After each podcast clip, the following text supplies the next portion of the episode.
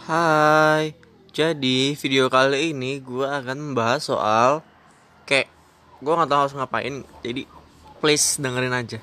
See you. Jijik gak sih?